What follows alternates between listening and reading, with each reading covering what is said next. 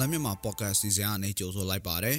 2023ခုနှစ်မေလ9ရက်နေ့ဒီနေ့ကျွန်တော်တင်ဆက်မယ့်အစီအစဉ်မှာတော့ပရိသတ်တွေစိတ်ဝင်စားပွဲမုံမြင့်တဲ့တဲ့ရင်ပြည်တွင်းတဲ့နဲ့အာဆီယံတဲ့ရင်သတင်းပေးပို့ချက်ပြည်သူတွေသိထားတဲ့နေ့စဉ်ကုန်စည်နှုန်းသတင်းချို့တွေကိုအစီအစဉ်ပထမပိုင်းမှာရွေးချယ်တင်ပြပေးသွားမှာဖြစ်ပါတယ်။ဒါပြင်အင်ဒိုနီးရှားနဲ့စင်ကာပူတန်ယုံကိုယ်စားလှယ်တွေရဲ့ရင်တိုင်းတိုက်ခိုက်ခံရမှုကတန်ယုံကိုယ်စားလှယ်တွေနဲ့ဒုက္ခသည်တွေမတွေ့ဆုံဖို့တိုက်ခိုက်တာဆိုတဲ့သတင်းပေးပို့ချက်ကိုလည်းတင်ဆက်ပေးပါဦးမယ်။ ဟုတ်ကဲ့ပါဒီနေ့အစီအစဉ်မူကတော့ကျွန်တော်အာကာတာဝန်ယူတော်မှာဖြစ်ပြီးကျွန်တော်နဲ့အတူနွန်တဲ့ရသတင်းတွေကိုကူညီတင်ဆက်ပေးသွားမှာပါ။နားဆင်ကြတဲ့ပရိသတ်အလုံးကိုမင်္ဂလာပါလို့နှုတ်ခွန်းဆက်သပါရစေ။ကျွန်မနွန်တဲ့ကကိုဟာကားနဲ့အတူသတင်းတွေကိုကူညီဖတ်ကြားပေးသွားမှာဖြစ်ပါတယ်။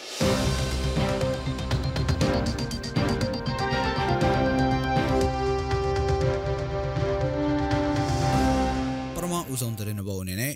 မော်လမြိုင်မြို့အဝင်တန်လွင်တရာမော်လမြိုင်စစ်စီရေးဂိမ်းမှာ တရားမဝင်ဝင်ရောက်လာတဲ့တရုတ်နိုင်ငံသား6ဦးဖမ်းဆီးရမိတယ်လို့လုံခြုံရေးတပ်ဖွဲ့နဲ့နှိစက်သူတွေစီကနေသိရပါဗျ။တန်လင်တရာမော်လမြိုင်မော်လမြိုင်ဘက်ခြမ်းမှာရှိတဲ့စစ်စီရေးဂိမ်းမှာတနေ့ကပူပေါင်းအဖွဲ့မှမော်တော်ယာဉ်စီကိုရပ်တန့်စစ်ဆေးရာရှမ်းပြည်နယ်မြောက်ပိုင်းမဘိန်းမြို့နယ်အမှတ်1မြို့မရက်ကွက်နေရင်မောင်းဆရာမင်းဆိုသူနဲ့အတူတရုတ်နိုင်ငံသားအမျိုးသား၄ဦးနဲ့အမျိုးသမီး2ဦးကိုစစ်ဆေးတွေ့ရှိခဲ့တာပါ။လုံခြုံရေးတပ်ဖွဲ့နဲ့နှိစက်သူတို့က ရင်မောင်းဖြစ်သူကိုစစ်ဆေးတဲ့အခါမှာမြောက်ဝတီမြို့ကနေမော်လမြိုင်မော်လမြိုင်ကတဆင်မော်ဒမမြို့ဘက်ကိုတွားဖို့တဲဆောင်မောင်းနှင်လာတယ်လို့ထွက်ဆိုတာတယ်။တရုတ်နိုင်ငံသားတွေမှာတရားဝင်အထောက်အထားတွေမရှိလို့ထိန်းသိမ်းထားတယ်လို့ပြောပါတယ်။လက်ရှိမှာအဆိုပါတရားမဝင်တရုတ်နိုင်ငံသား6ဦးနဲ့ရင်မောင်းဖြစ်သူတို့ကိုထိန်းသိမ်းထားပြီးအရေးယူဆောင်ရွက်နိုင်ဖို့ကလည်းစစ်ဆေးမှုတွေပြုလုပ်နေတယ်လို့သိရပါတယ်ခင်ဗျာ။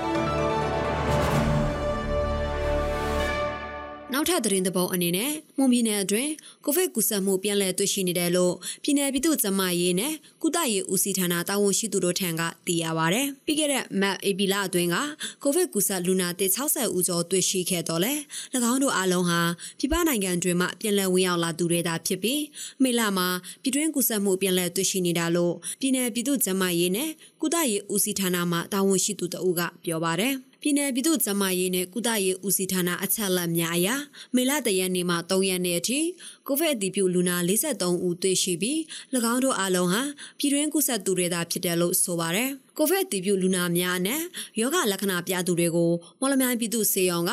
isolation ward ဘွဲမှာထားရှိပြီးစေကူတာမှုပေးနေကြောင်းယောဂလက္ခဏာမပြသူတွေကိုနေအိမ်တွင်ကက်သက်တာ home quarantine ထားရှိထားတယ်လို့ဆိုပါတယ်။ပြီးခဲ့တဲ့2022ခုနှစ်ကမွန်ပြည်နယ်မှာကိုဗစ်ပိုးတွေ့လူနာတစ်ပေါင်း9100ဦးကျော်ရှိခဲ့ပြီးကိုဗစ်လူနာ80ဦးကျော်သေဆုံးသွားခဲ့တယ်လို့ပြည်내ပြည်သူ့ကျန်းမာရေးဦးစီးဌာနရှိစီးရင်တွေအရသိရပါတ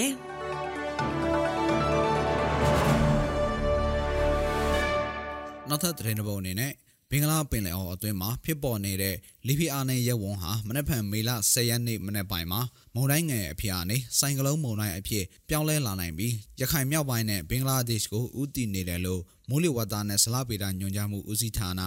ဒီနေ့မနက်ပိုင်းမှာကြေညာထားပါတယ်။မေလ17ရက်နေ့မှာတော့ဘင်္ဂလားပင်လယ်အော်အရှိအလဲပိုင်းကနေတဆင့်ရခိုင်မြောက်ပိုင်းနဲ့ဘင်္ဂလားဒေ့ရှ်ကိုဦးတည်နေတာပါ။ NASA ကရဲ့ပြန်ကြားရေးအဖွဲ့ကောင်ဆောင်ဗိုလ်ချုပ်စော်မင်းထွန်းကတော့မုန်တိုင်းအတွက်ကြိုတင်ပြင်ဆင်မှုတွေလုပ်ထားတယ်လို့ပြောထားပြီးရခိုင်ပြည်နယ်မိသားတပ်ဖွဲ့တွေကလည်းအသင့်အနေထားနဲ့ရှိနေတယ်လို့ပြောထားပါတယ်ခင်ဗျာ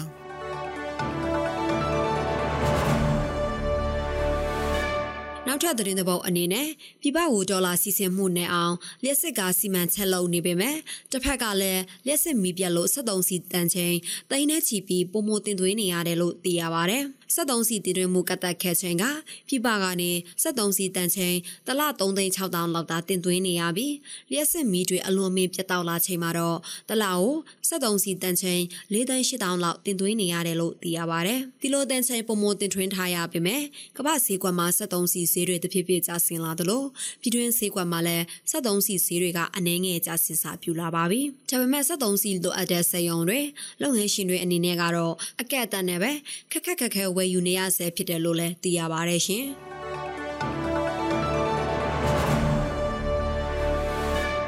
နောက်ဆုံးသတင်းတစ်ပုဒ်အနေနဲ့မေလ9ရက်နေ့ကနေ17ရက်နေ့အထိအင်ဒိုနီးရှားနိုင်ငံမှာကျင်းပမဲ့အရှေ့တောင်အာရှနိုင်ငံများအသင်း အာဆီယံထိပ်သီးအစည်းအဝေးမှာမြန်မာနိုင်ငံရေးအကြက်အသေးကိစ္စဟာအဓိကဆွေးနွေးစရာတစ်ခုဖြစ်လာမယ်လို့တသမန်တွေကပြောကြပါတယ်။အာဆီယံအလှည့်ကျဥက္ကဋ္ဌအင်ဒိုနီးရှားနိုင်ငံရဲ့ကြိုတင်ပြင်ဆင်ထားတဲ့အစည်းအဝေးအပြီးသတင်းထုတ်ပြန်ချက်မူကြမ်းထဲမှာတော့အာဆီယံအနေနဲ့လေကြောင်းတိုက်ခိုက်မှုတွေကိုအပြင်းအထန်ကန့်ကွက်ရှုတ်ချပြီးအကြမ်းဖက်မှုတွေကိုချက်ချင်းရပ်တန့်ဖို့တောင်းဆိုထားတယ်လို့ AFP သတင်းမှာဖော်ပြထားပါတယ်။ AFP ကရထားတဲ့သတင်းထုတ်ပြန်ချက်မူကြမ်းထဲမှာမြန်မာနိုင်ငံရေးကိုငြင်းငြင်းချမ်းချမ်းအပြေထုတ်နိုင်မဲ့ အလုံးပါဝင်တဲ့ဆွေးနွေးပွဲတွေဖြစ်လာဖို့ဆိုရင်အကြမ်းဖက်မှုတွေရပ်တန့်ခြင်းကသာတခုတည်းသောအခင်းချင်းဖြစ်လိမ့်မယ်လို့ဖော်ပြထားတယ်လို့ဆိုပါတယ်။အင်ဒိုနီးရှားနိုင်ငံသားရေးဝန်ကြီးကတော့ပြိပခအတွင်းမှာပါတဲ့ဘက်အလုံးကိုထိစပ်ပြီးအတန်တိတ်တရမန်ရေးနဲ့ညှိနှိုင်းဆောင်ရွက်နေပါတယ်လို့ပြီးခဲ့တဲ့တောက်ကြနေရပြောခဲ့ပါတယ်။အခုကျင်းပမဲ့အာဆီယံထိပ်သီးအစည်းအဝေးကိုမြန်မာစစ်ကောင်စီကတော့မြန်မာကုစားပြုပါဝင်ခွင့်မရပါဘူး။ မြန်မာအရေးအာဆီယံဘုံသဘောထားကိုလိုက်နာဖို့ပြက်ကွက်နေတာကြောင့်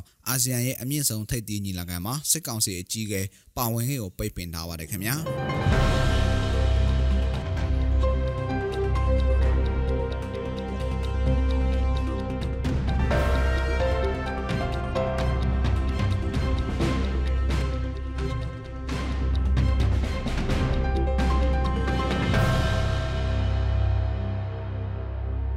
သူတွေသိထားတဲ့နိုင်စင်ကုံစင်တို့တရင်ချို့တွေကိုမွန်မန်ကုံစင်တိုင်းအချက်လက်တွေကိုအခြေခံပြီးကျွန်တော်အားကတင်ဆက်ပေးပါဦးမယ်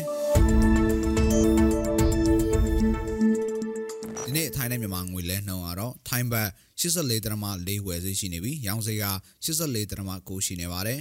ဒေါ်လာဈေးကတော့အမေရိကန်ဒေါ်လာကိုဝယ်ဈေးမြန်မာငွေ2845ကျပ်ရှိပြီးရောင်းဈေးကတော့2865ကျပ်ရှိနေပါတယ် ရွှေစင်းတုံးကမီလင်း16ပေတကြတာကိုအပြင်ပေါက်စေ29သိန်းဝန်းကျင်မှာရှိနေပါတယ်73စီတွေကတော့ဒီဇယ်တလီတာကို1935ကျပ်အောက်သိန်း62တလီတာကို1980နဲ့95တလီတာကို2080အထိရှိနေတာပါစံစင်းတုံးကတော့အကောင်စားပေါ်စံမွေ108ပေါင်အမြင့်ဆုံးကို11500ကျပ်အလဲလက်တန်းဆန်မျိုးစားပေါ်ကျွဲ108ပေါင်အနည်းဆုံးကို9500နဲ့ အမထဆန်တွေကတော့108ပေါင်အနည်းဆုံးကို6300နဲ့အမြင့်ဆုံးကို6500ထိရှိနေတာပါ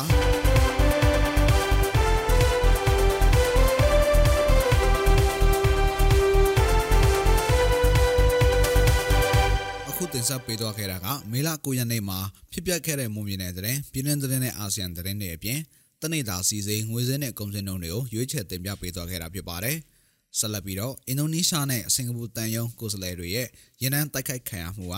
တန်ယုံကိုယ်စားလှယ်တွေနဲ့ဒုက္ခသည်တွေမတွေ့ဆုံဖို့တိုက်ခိုက်ခဲ့တာဆိုတဲ့သတင်းပေးပို့ချက်ကိုနဒီယာတင်ဆက်ပေးပါဦးမယ်။ အင်ဒိုနီးရှားနဲ့စင်ကာပူတန်ရောင်ကိုယ်စားလှယ်တွေရဲ့ရင်တန်းတိုက်ခတ်ခံရမှုမှာကိုယ်စားလှယ်တွေနဲ့ဒုက္ခတွေတွေမသွေးဆောင်ဖို့တိုက်ခိုက်တာဖြစ်နိုင်တယ်လို့ဗိုလ်အမျိုးသားလွတ်မြောက်ရေးအဖွဲ့ချုပ် PNLO မှနိုင်ရကဗိုလ်မှူးကြီးခွန်အောက်ကကပြောပါတယ်။တန်ရောင်ကိုယ်စားလှယ်တွေရဲ့အီမန်ဆက်ကိုမရောက်ရေးတိုက်ခိုက်တာဖြစ်ဆောင်နောက်ဆက်တွဲအနေနဲ့ဘလို့ဖြစ်လာမလဲဆိုတာမသိရသေးဘူးလို့သူကဆိုပါတယ်။อืมဘာမှတော့လောလောဆယ်ဆယ်မဖြစ်နိုင်ပါဘူး။ဒါကြောင့်လည်းဆိုတော့ဒီတက်ခိုက်မှုကဒီ လမ်းကြောင်းကိုဟန်တားတာဖြစ်ပြီးတော့ဒီပန်တမန်တွေနဲ့ဟိုဒုက္ခတွေကိုရှိလူကိုယ်တိုင်မတွေ့အောင်တားလိုက်တဲ့သဘောပါပဲပစ္စည်းကတော့ရောက်သွားပြီပေးလည်းပေးပြီးတော့လူတွေမရောက်အောင်ဟန်တားတဲ့သဘောဖြစ်တော့ပန်တမန်တွေတက်ကတော့ ကျွန်တော်ထင်တယ်ဒီအာဆီယံထူးကိုယ်တည်းပေါ့ဗမာပြည်ဆိုင်ရာပေါ့အာဆီယံထူးကိုယ်တည်းရုံးကနေတစ်ဆင့်ပဲအဲဆက်တယ်ဟိုဘာလို့မထင်ဘူးကြည့်ရတာဒါကြောင့်ဘယ်လိုနောက်ဆက်တွဲဘယ်လိုလာမလဲတော့မသိသေးဘူး အင်ဒိုနီးရှားနဲ့စင်ကာပူတန်ရောင်ကိုယ်စားလှယ်တွေလိုက်ပါလာတဲ့ရင်နှန်းဟာမေလ9ရက်နေ့ကရှမ်းပြည်နယ်တောင်ပိုင်းစီဆိုင်မြို့နယ်အတွင်းမှာပြစ်ခတ်ခံခဲ့ရပါတယ်။အဲ့ဒီပြစ်ခတ်မှုမှာပိုအိုမျိုးသားဖွဲ့ချုပ် PNO ကလောက်ဆောင်တာဖြစ်နိုင်တယ်လို့မြန်မာနိုင်ငံရေးလေလာတုံးသက်သူအတန်ဆိုနိုင်ကပြောပါတယ်။ဒီလိုနိုင်ငံတကာအကူအညီဖွေးပေးဖွဲ့စည်းရေးတွေကိုတားဆီးနေရတော့စစ်ကောင်စီရဲ့လုံခြုံရေးတပ်ဖွဲ့တွေနဲ့သူ့ရဲ့နောက်လိုက်နောက်ပါဗီဒုစစ်တီများသောအားဖြင့်လုပ်နေလုပ်ထားရှိတဲ့ကိစ္စပါ။ နောက်ပြီးတော့အခုကစစ်စင်ရေးတစ်ခုကိုလည်းတိုက်ခိုက်တာမဟုတ်ပါဘူး။၆လရုံပဲလုပ်လိုက်တဲ့တိုက်ပွဲပုံစံမှာဒါကြောင့်မို့ဟိုအခြေအနေကိုခြုံငုံသုံးသပ်လိုက်လို့ရှိရင်ဒီလှုပ်ရှားမှုကိုလုပ်တာဟာဒီစစ်ကောင်စီရဲ့ပြည်သူစစ်တပ်ဖွဲ့တစ်ဖွဲ့ဖြစ်တဲ့အိုပြည်သူစစ်ဖွဲ့ PNO ကနေပြီးတော့လုပ်တာလို့ကျွန်တော်တော့အချင်းမျိုးတစ်ခုလုံးကိုခြုံငုံပြီးသုံးသပ်ပါတယ် PNO အနေနဲ့၎င်းတိုက်ခိုက်မှုကိုလှောက်ဆောင်ခြင်းမရှိဘဲ PNO တပ်ဖွဲ့ဝင်တွေကတိုက်ခိုက်ခြင်းဖြစ်တယ်လို့ PNO မှသူ့ပုံမှုကြီးခွန်ထွန်းရွှေကပြောပါတယ်။အော်ကျွန်တော်သိတာကတော့အဲ့ဒီရင်နာကိုအဲကြော်တင်ဆိုတဲ့ဟိုဟာဘူဥက္ကာတို့တူရိန်တို့မြစ်ထွန်းတို့တပည့်ဟော ကြော်တင်အပါကားနဲ့ပေါ့ဗျာကားနဲ့သူတို့အဲချောင်းမြောက်ပစ်တာပဲပြီးရင်သူတို့အဲကျွန်တော်တို့ PNO နယ်မှာသူတို့အဲ့ဒီထွက်တော့ကျွန်တော်တို့ဒီတပ်ခါနေပူပေါင်းပြီးတော့သတင်းပေးတော့နောင်တော်မှာတက်ကဖမ်းမိတယ်ဗျအဲ့လိုပဲသိရတယ်ဗျပါလာတဲ့ဟိုခီးတယ်တွေပါတွေဘာညာတော့ကျွန်တော်တို့မသိဘူးကျွန်တော်တို့လည်းကျွန်တော်တို့ကတော့ပြင်လောင်းနေပဲရောက်နေတော့ကျွန်တော်တို့အကုန်မသိဘူးဗျ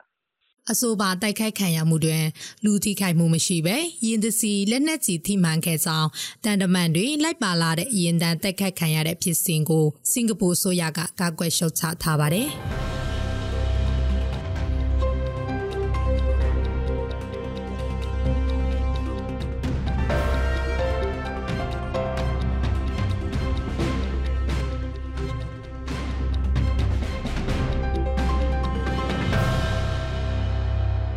ကျမတို့ရဲ့မွန်လန်းမြန်မာဖော့ကက်အစီအစဉ်ဒီမှာတင်ပြီးဆုံးပါပြီ။နားဆင်ကြတဲ့ပရိသတ်အားလုံးကိုနောက်နေ့အစီအစဉ်တွေမှာဆက်လက်အားပေးကြပါအောင်လို့ဖိတ်ခေါ်ရင်းဒီအစီအစဉ်ကိုဒီမှာပဲအဆုံးသတ်ပါရစေ။အားလုံးကိုကျေးဇူးတင်ပါတယ်ရှင်။